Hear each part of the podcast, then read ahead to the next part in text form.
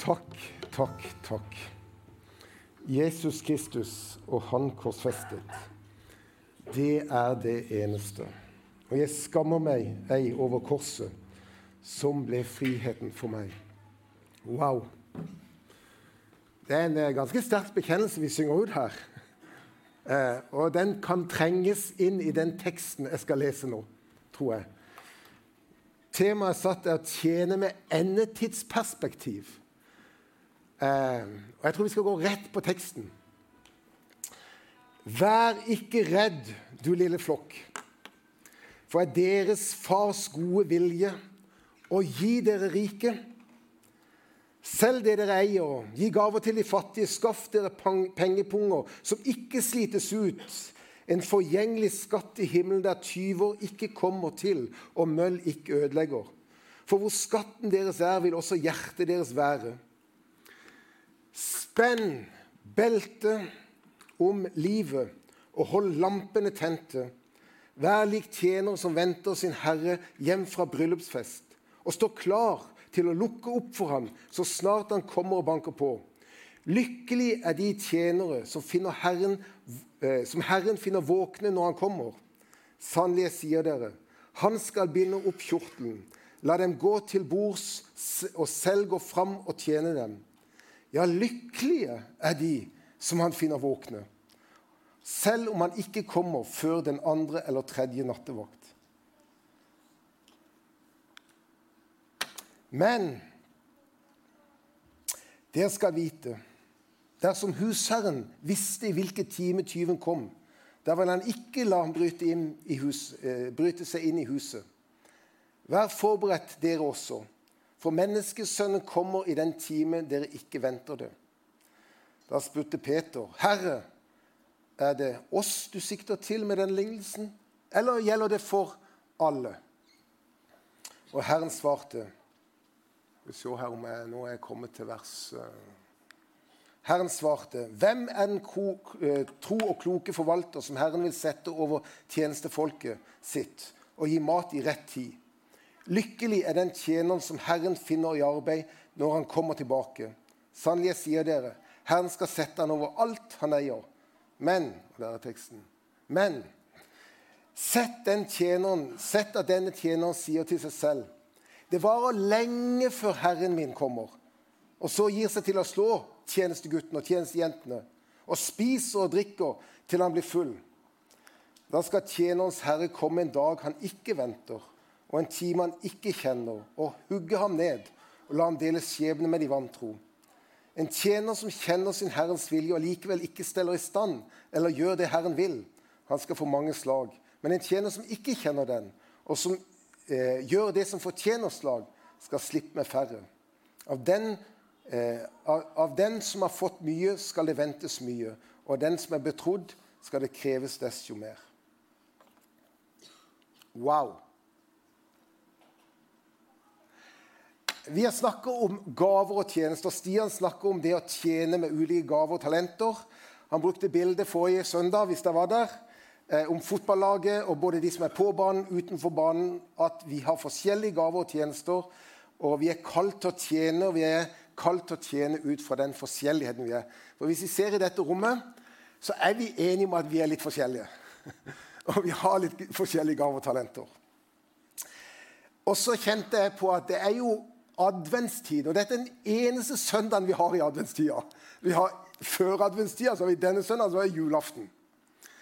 Eh, så jeg kjente vi må løfte fram også adventsbudskapet. Faktisk at vi venter på Jesus kommer og feirer jul, men også at han skal komme igjen. Og hva vil det si å tjene med det perspektivet? Men siden jeg står på denne scenen eh, så må jeg bare repetere hva vi har som visjon for denne menigheten. Det er min jobb, føler jeg. Det, mitt, det må jeg bare gjøre. Eh, og dette jeg har dere hørt. Vi vil være en generasjonsmenighet som hjelper mennesker til å etterfølge etterfølgelse av Jesus gjennom å elske Gud, elske hverandre og bevege verden. Det er det vi har sagt, det ønsker vi å være som Hånes frikirke. Og Så prøver vi på ulike måter og jeg kommer til den siste biten. Det å si at, Hva vil det si å elske Gud? Vi prøver å sette ord på det. Jo, det er at vi har fått vår identitet. Kristus og han korsfestet, og ingenting, og det skammer vi ikke over. Vi har tatt imot en invitasjon til å leve i intimitet, i nærhet med Gud, vår far. Og det får et utslag i et liv i integritet. Det er den derre å elske Gud. Vi ønsker at det blir en del av alles liv. Så kommer det inn som, en som ikke har kjent Jesus, så lærer han det ganske fort. Identitet, intimitet, næren til Gud og integritet. Og så er det noe som vi hele tida går tilbake til. Så er vi kalt å elske hverandre med å leve et liv i tilgivelse. Vi forstår at Guds tilgivelse i vårt eget liv Og pga. vi skjønner at vi er tilgitt, så kan vi ha medfølelse med andre. Det er ikke alltid lett. Men jo mer vi stønner vi er tilgitt, jo mer medfølelse kan vi ha med andre. Og tilgi andre og møte andre på en god måte rundt oss. Og gjennom tilgivelse så får vi en tilhørighet fordi vi tilknytter oss andre og forplikter oss inn i et fellesskap der vi er sammen med andre. Og så tjeneste. Å tjene, det er å ta ansvar for det Gud har gitt oss. Og så prøver jeg å gjøre det på de ulike arenaene som Gud har satt oss. Og Jeg skal komme tilbake til det. Fordi at Gud setter oss på ulike Hjemmet er en arena for å tjene. Er det noen som har oppdaga det? At hjemmet er en arena for å tjene? da har jeg oppdaget det. Gratulerer. Veldig bra. Hjemmet er en arena for å tjene. Selvfølgelig er arbeid en arena for å tjene. Og samfunnet rundt oss er en arena for å tjene. Ofte tenker vi tjeneste primært sett inn i meningen ja, vi trenger å bygge et fellesskap, en tilhørighet, der vi tjener hverandre med de nådegaver vi har. Og vi trenger selvfølgelig noen som er med, og er med i barnearbeid og med i de ulike tingene som vi gjør her, som i grunn skal mobilisere oss og istandsette oss for å tjene på de ulike arenaene. I hjemmet vårt, du som mor og far, eller bestemor og bestefar. Hvordan det er å være en god mor og far. Hvordan være en god besteforeldre. Hvordan kan vi tjene inn i hjemmene, i der vi er? Hvordan kan vi tjene på den arbeidsplassen eller der du er som student? Hva betyr det å bringe Guds rike ut der? Hvordan kan jeg være med og bevege verden? For det det, det, det handler om, menigheten vi er her for å mobilisere, for å støtte, for å hjelpe hverandre. For å bringe ut Guds rike på alle de arenaene som Gud har satt oss. Ofte tenker vi at menigheten er til for at vi skal tjene inn og være et program og fylle programmene våre. Men det er jo ikke det. Det eneste man har sagt at vi inviterer ikke folk til et program. Folket er programmet for denne verden. Skjønner dere forskjell? For vi er sendt sendt for å tjene ut i denne verden. Jeg har briller på meg. Vet du åssen briller det er? Det er progressive briller. Det er ikke nødvendigvis fordi jeg er så progressiv, sånn generelt sett, men det er progressive bilder. Det hjelper meg. Når jeg tar de av meg nå, så ser jeg blurry Hopland der bak. Jeg ser ikke detaljene i fjeset og sånn. Men når jeg tar de på meg, så ser jeg veldig godt på langsyn, og også veldig godt kortsyn. Jeg kan lese her ned. Og når vi tjener, så er det viktig å kunne evne å ha et langt perspektiv. Jeg kaller det evighetsperspektiv. Og et nært perspektiv. Hvordan forvalter jeg det Gud har gitt meg her og nå? Hvordan tjener jeg med det Gud har gitt meg her og nå? Og da er vi inne i teksten. Ja, det må si det. Den holdt jeg på å glemme. Den hadde jeg også her. Jeg, jeg sto på fellesmøtene Se på den. Jeg sto på fellesmøtene og så eh, for fem år siden, og så sa en sekulære trosbekjennelse Vi behenter just troen vår. Eh, og Den sekulære trosbekjennelse er i grunnen sånn som det står her. Jeg tror på staten, for den kan dekke alle mine behov. Eh, fra vugge til grav. Jeg hever mine rettigheter og får opp mine krav. Jeg tror på makten i penger. For dem kan jeg kjøpe alt jeg trenger. istedenfor å tro på Jesus Kristus. Jeg tror på meg selv, mine egne evner til å styre livet. Ingen over, ingen under, ingen ved siden av. Den trosbekjennelsen begynner å slå sprekker i dag. Den begynner å slå sprekker. Og derfor, når vi hører det ordet, som er det første ordet, 'frykt ikke', så er det viktigste budskapet fra Guds menighet i dag det er 'frykt ikke. Det er en som har kontroll. når vi hører julas budskap, som blir så fint pakka inn når vi kommer på julaften Englenes budskap til den lille flokken av hyrder på marken, hva var det? Frykt ikke. Jeg kommer med gledesbud. Og jeg tror vi trenger å høre i dag 'frykt ikke'. Og vi trenger å være et folk som sier 'frykt ikke'. Denne teksten er rett etter en tekst som handler om Ser du alt på marken? Ser du blomstene på marken? Ser du De spinner ikke, de vever ikke. De, de gjør ikke så mye, men Gud har omsorg for dem. Det er teksten rett før her. Det er konteksten til denne. Og så sier den, men søk først Guds rike og hans rettferdighet, skal du få alt det andre tillegg. Og så sier de, frykt ikke, du lille jord. Frykt ikke. Har dere kjent på frykt eller bekymringer eller ting som skjer, enten er det på arena hjemme, eller på arena arbeidsplassen, eller på arena samfunnet rundt oss, verden rundt oss? Har dere kjent på det? Hvis vi kjenner på det, så tror jeg det er veldig mange andre som kjenner på det.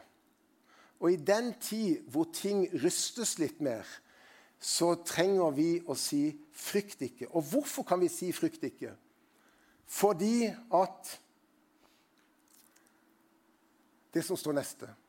For det er deres fars gode vilje å gi dere sitt rike.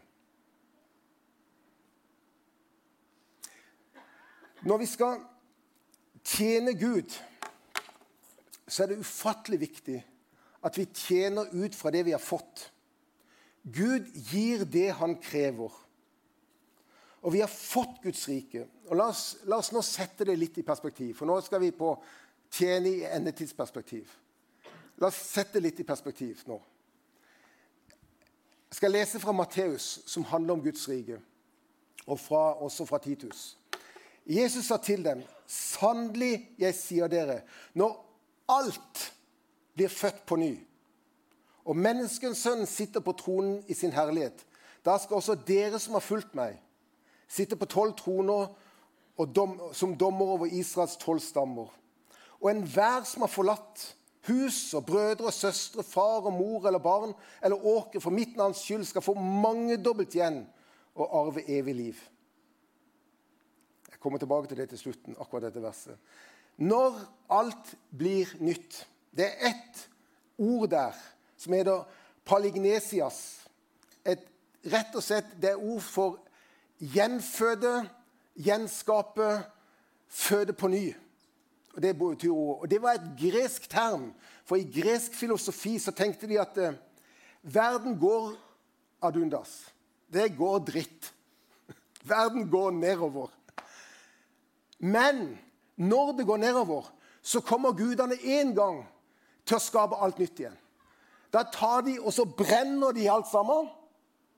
Det var gresk tanke. Og så skapes noe nytt. Og alt er fantastisk fint, og alt blir helt fantastisk igjen. Og så sier Gud det, at ja, det skal, eller Jesus sier det skal, alt skal en gang gjenskapes. Men ikke som en syklist der det skjer igjen og igjen. Men alt går mot en ende, der alt skal gjenskapes. Og gjenskapes betyr bli gjort helt, bli perfekt, bli, bli, bli Alt blir godt, alt blir helbredet, alt blir nytt. Og det skal skje. Alt skal bli frisk, fornya, gjenoppbygd. Guds rike skal fullendes under Jesu Kristi herredømme. Han som elsker verden og hersker overalt. Og det er kraften i Guds rike. Det er kraften i En enorm kraft. Og alt skal gjenskapes. Men så står det også, og det er verset under Det ordet fornye eller gjenskape eller gjenføde står bare to ganger i Bibelen. Og det står her, og det gjelder dermed. Han frelste oss ikke på grunn av dine rettferdige gjerninger Hører du det? Ikke pga. at nå har du blitt flink og fått til alt og blitt perfekt. Ikke pga. hva du får til. Ikke pga. hva du har gjort. men fordi Gud er barmhjertig. Han frelste oss ved badet som Og her er det samme ordet. Palegnesias. Som gjenføder, som nyskaper.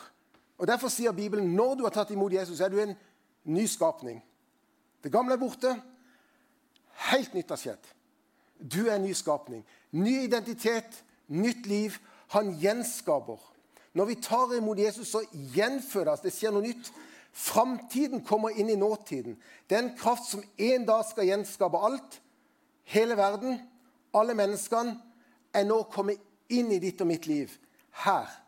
Han gjenføder, skaper alle ting nye ved sin Hellige Ånd. Og vi lever i en tidsreise der framtida har trådt inn i nåtida, og der Guds rike og Guds fornyende kraft har tredd inn i, hos oss, vi som er rikes barn. Og julens budskap er lyset trer inn i mørket. Frykt ikke. Vær ikke redd, du lille jord. For jeg er en god far, og jeg gir der hele riket. Det er dette del. Guds rike er oss til del. Og Derfor er det sånn at det må synke inn i oss, og det håper jeg i vår juletid og i vår eh, at, at, vi skjønner at vi tjener ut fra hva vi har fått. Og vi tjener ut fra hva vi, han har gitt oss, ikke hva vi får til sjøl. Vi tjener ut fra at Guds rike er gitt oss. Hva vi har fått, hva vi har i vår liv. Og hva er det vi har? Jo, her er to enkle vers. For Den hellige ånds rike, Guds rike, det du har fått Det vi står ikke først og fremst av mat og drikke, det blir mye av det i jula. Men i rettferdighet, for Gud er rettferdig. I fred og i glede i Den hellige ånd. Og den som tjener Kristus på den måten, er til glede for Gud og blir respektert av mennesker. Og for Gud ga oss ikke motløte, en ånd som gjør motløs, men en ånd som gir kraft, kjærlighet og visdom. Eller sindighet, står det også. Vi tjener ut fra det vi har fått, og gir ut fra det vi har. Guds rike er oss gitt. Hører dere det? Det er fantastisk. Det er helt fantastisk. Erfaring av det Guds rike endrer mitt liv og har endra mitt liv og perspektivene. Og får et utslag i hvordan vi tjener.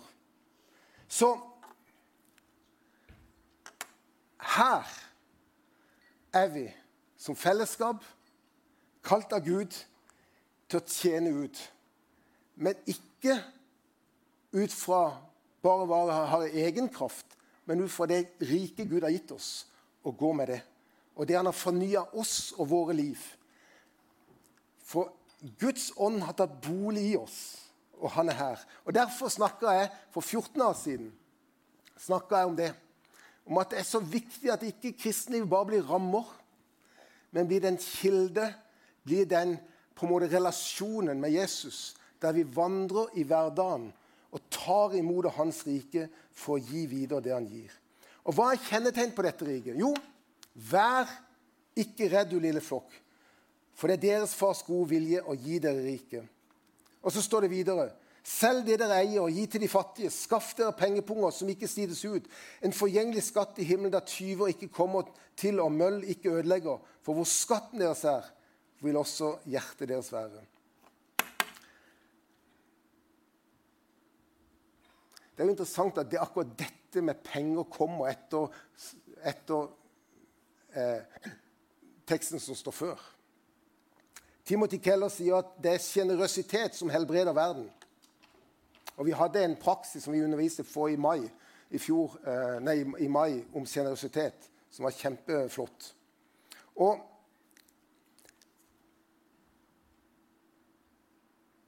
I meningen så snakker vi om å, å 10% og gi 10 og 10% som et prinsipp i å gi. Eh, og det er jo fint. Ehm, det er tatt fra Gammeltestamentet, hvor bøndene ga første grøden av avlingen eh, og ga 10% av det de fikk, eh, til tempelet i tryggheten om at Gud vil ta hånd om resten av avlingen, og i tryggheten om at Gud hadde faktisk kontroll over deres liv. Og På en måte så er det en praktisk måte å, å leve det ordet som står først. Søk først Guds rike og hans rettferdighet, så skal dere få alle ting i tillegg. Men når vi lever etter det prinsippet om å gi først, og så bruker det vi har igjen, så er det i grunnen bare en hjelp mot grådighet og et vern mot at en ikke begynner å leve for det en eier og har.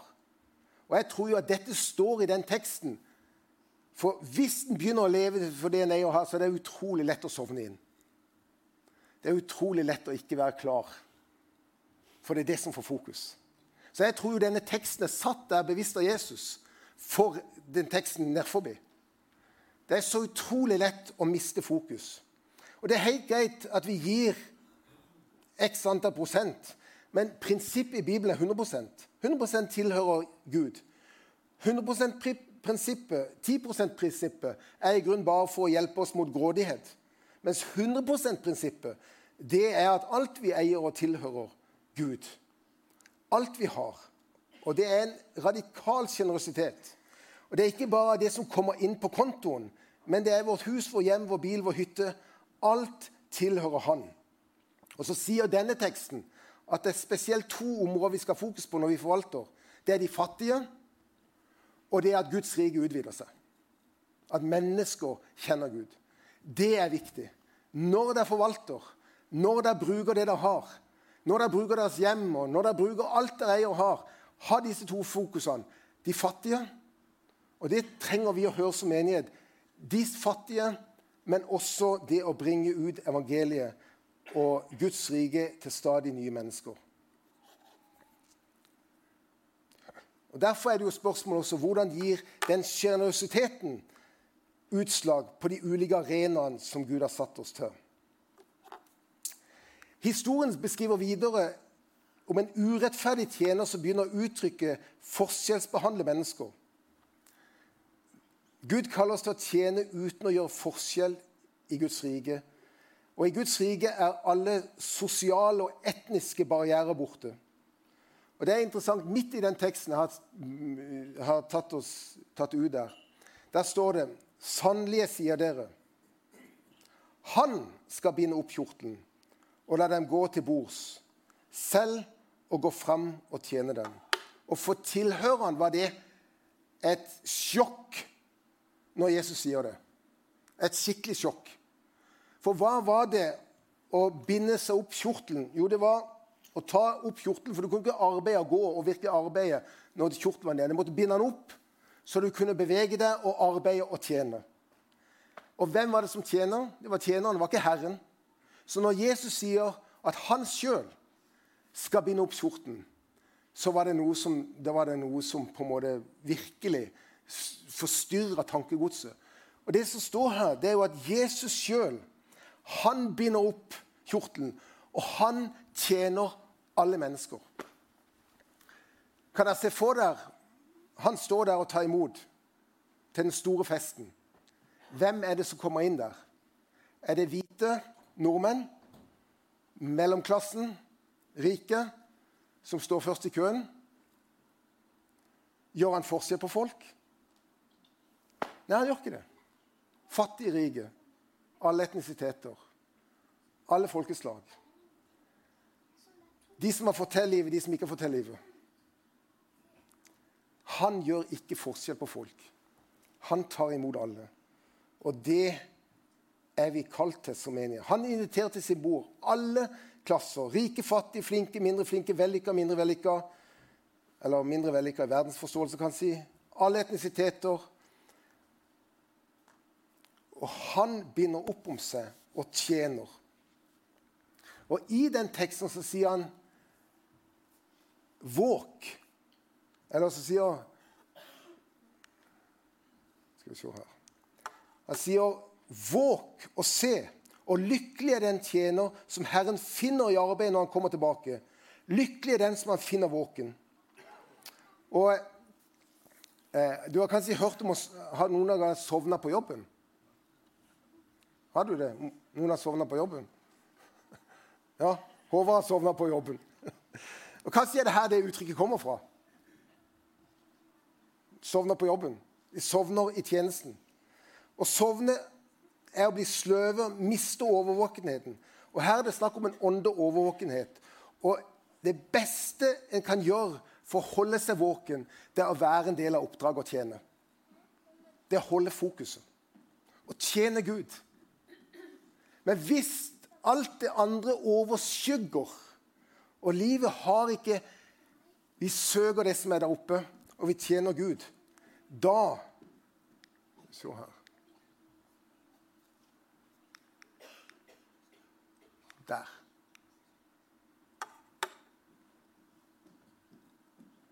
Da er jeg redd det stopper opp. Jeg skal bare ha et uh... Romerbrevet sier dessuten vet dere hvilken tid som er nå. Timen er kommet da vi må våke opp av søvnen, for frelsen er oss nærmere nå enn da vi kom til tro. Natten er snart slutt, dagen er nær. La oss legge bort mørkets gjerninger og kle oss i lysets utrustning. La oss leve sømmelig som på lyse dagen. Ikke fest og fyll og hor og utstille av strid og misunnelse, men kle dere i Herre Jesus Kristus. Så Det er disse arenaene som Gud setter oss til å være med og bringe Guds rike ut. Så skal jeg ta den avslutte med dette verset her. Eh, for det er helt klart at det fins en dom. Når vi tjener Gud, så fins det en evig liv. Men det fins også en evig dom. Og det er noen ganske vanskelige ord som står her. Da skal Herrens tjenerens Herre komme en dag, og han ikke venter, og en time han ikke kjenner, og hugge ham ned og la dele skjebne med de vantro. Det er ganske kraftige ord. Dere kan få lov til å studere dette verset og disse, kommer det hele kapitlet når dere kommer i gruppene deres. Men det fins en paradis, og det fins en avgrunn. Det fins et himmel, og det fins et helvete. Og mennesker skal dømmes etter sin gjerning. Og det er noe med det at det fins en rettferdighetssans i den verden. Når dere ser på all ondskapen, kjenner dere på at noen av oss står til ansvar for det som skjer? Kjenner dere på det? Det fins en rettferdighetssans. Og det fins det store fortellinga sier at det skal bli en dag rettferdig. Og Gud skal føre en rettferdig dom over alle mennesker. Jeg leser to bøker eh, for tida i forbindelse med studier. Og Det handler om de første kristne. Og De gikk gjennom mange forfølgelser, lidelser. Og Det som summerte opp når jeg leser de to bøkene her, det er dette. De hadde glede midt i lidelsene. Og de tilga gjennom all forfølgelse. Jeg har lyst til å si, De kristne var ikke en protestbevegelse som gikk ut og ropte og hadde plakater og var aggressive. og De var ikke en protestbevegelse. Hørte du hva jeg sa nå? De var en tjenestebevegelse, de kristne. De fortsatte å tjene, og så tjente de, og så fortsatte å tjene. Og så levde de med glede midt i lidelser, for de visste at Gud ville gi dem mangedobbelt tilbake av hva de opplevde i denne verden. Og de visste at Gud var rettferdig i sin dom. Og det står lykkelig er de tjenerne som Herren finner våken når han kommer. Lykkelig er den tjener som Herren finner i arbeid når han kommer tilbake. Og lykkelig her er lykkelig. Lykkelig betyr lykkelig. Det står jo en salig. Det betyr den, den, den sterkeste opplevelse av høyeste form for lykke, mening og glede. Å være lykkelig eller salig betyr nødvendigvis ikke at man føler seg lykkelig. Men en innser hvilken gledelig situasjon man står i. Skjønner dere forskjellen? For en skjønner hva vi har, og hva vi er gitt. Lykkelig fordi jeg kjenner Gud som far, og han har gitt meg hele sitt rike. Og han, han er Gud. Lykkelig fordi vi visste at vi har fått Guds rike og fått Guds kraft Lykkelig fordi jeg er gjenskapt og gjenfødt til et nytt liv. Og framtiden er allerede blitt en del av min virkelighet nå til nå.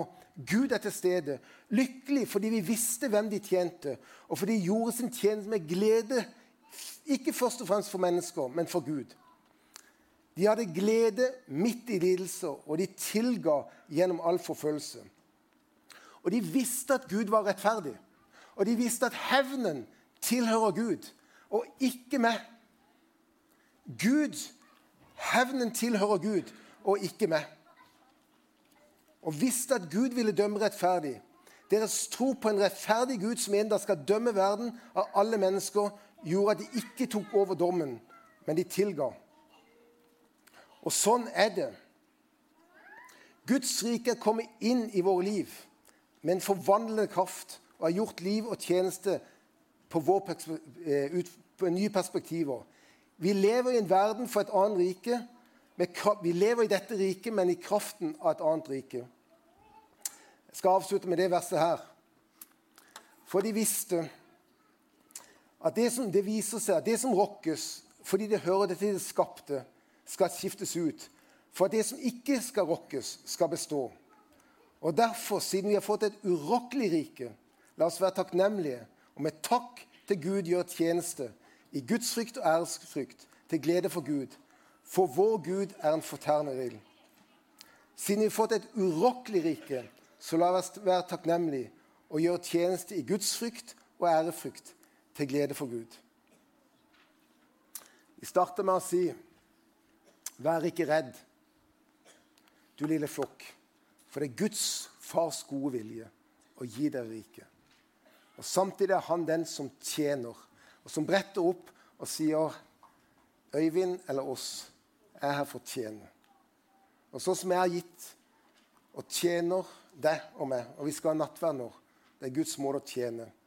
Sånn jeg kalt det til å tjene i den verden. Ikke med det dere har i deg sjøl, men med det det jeg har gitt. Skal vi be til Gud? Så kommer Øyvind opp til nattverden. Jesus, her, dette er ditt ord.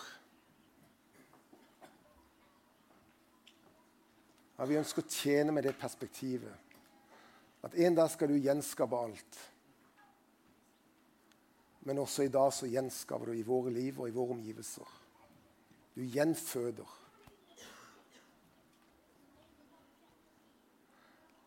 Her gjør så tjene nå, men se det store bildet. Og leve for det. Og være klar når du kommer igjen. Vi ber om det i ditt navn. Amen.